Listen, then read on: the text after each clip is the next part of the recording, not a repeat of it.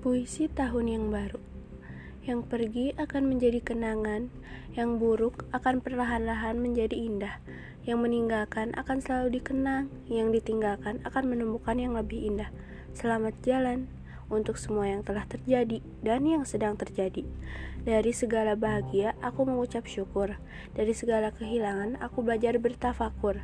Di beberapa tanggal, mungkin aku sempat mengeluh, namun di akhir cerita, aku mulai mengerti mengapa dulu itu semua harus terjadi.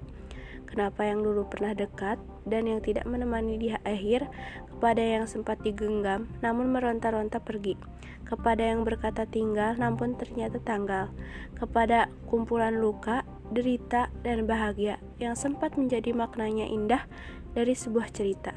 Terima kasih untuk semuanya.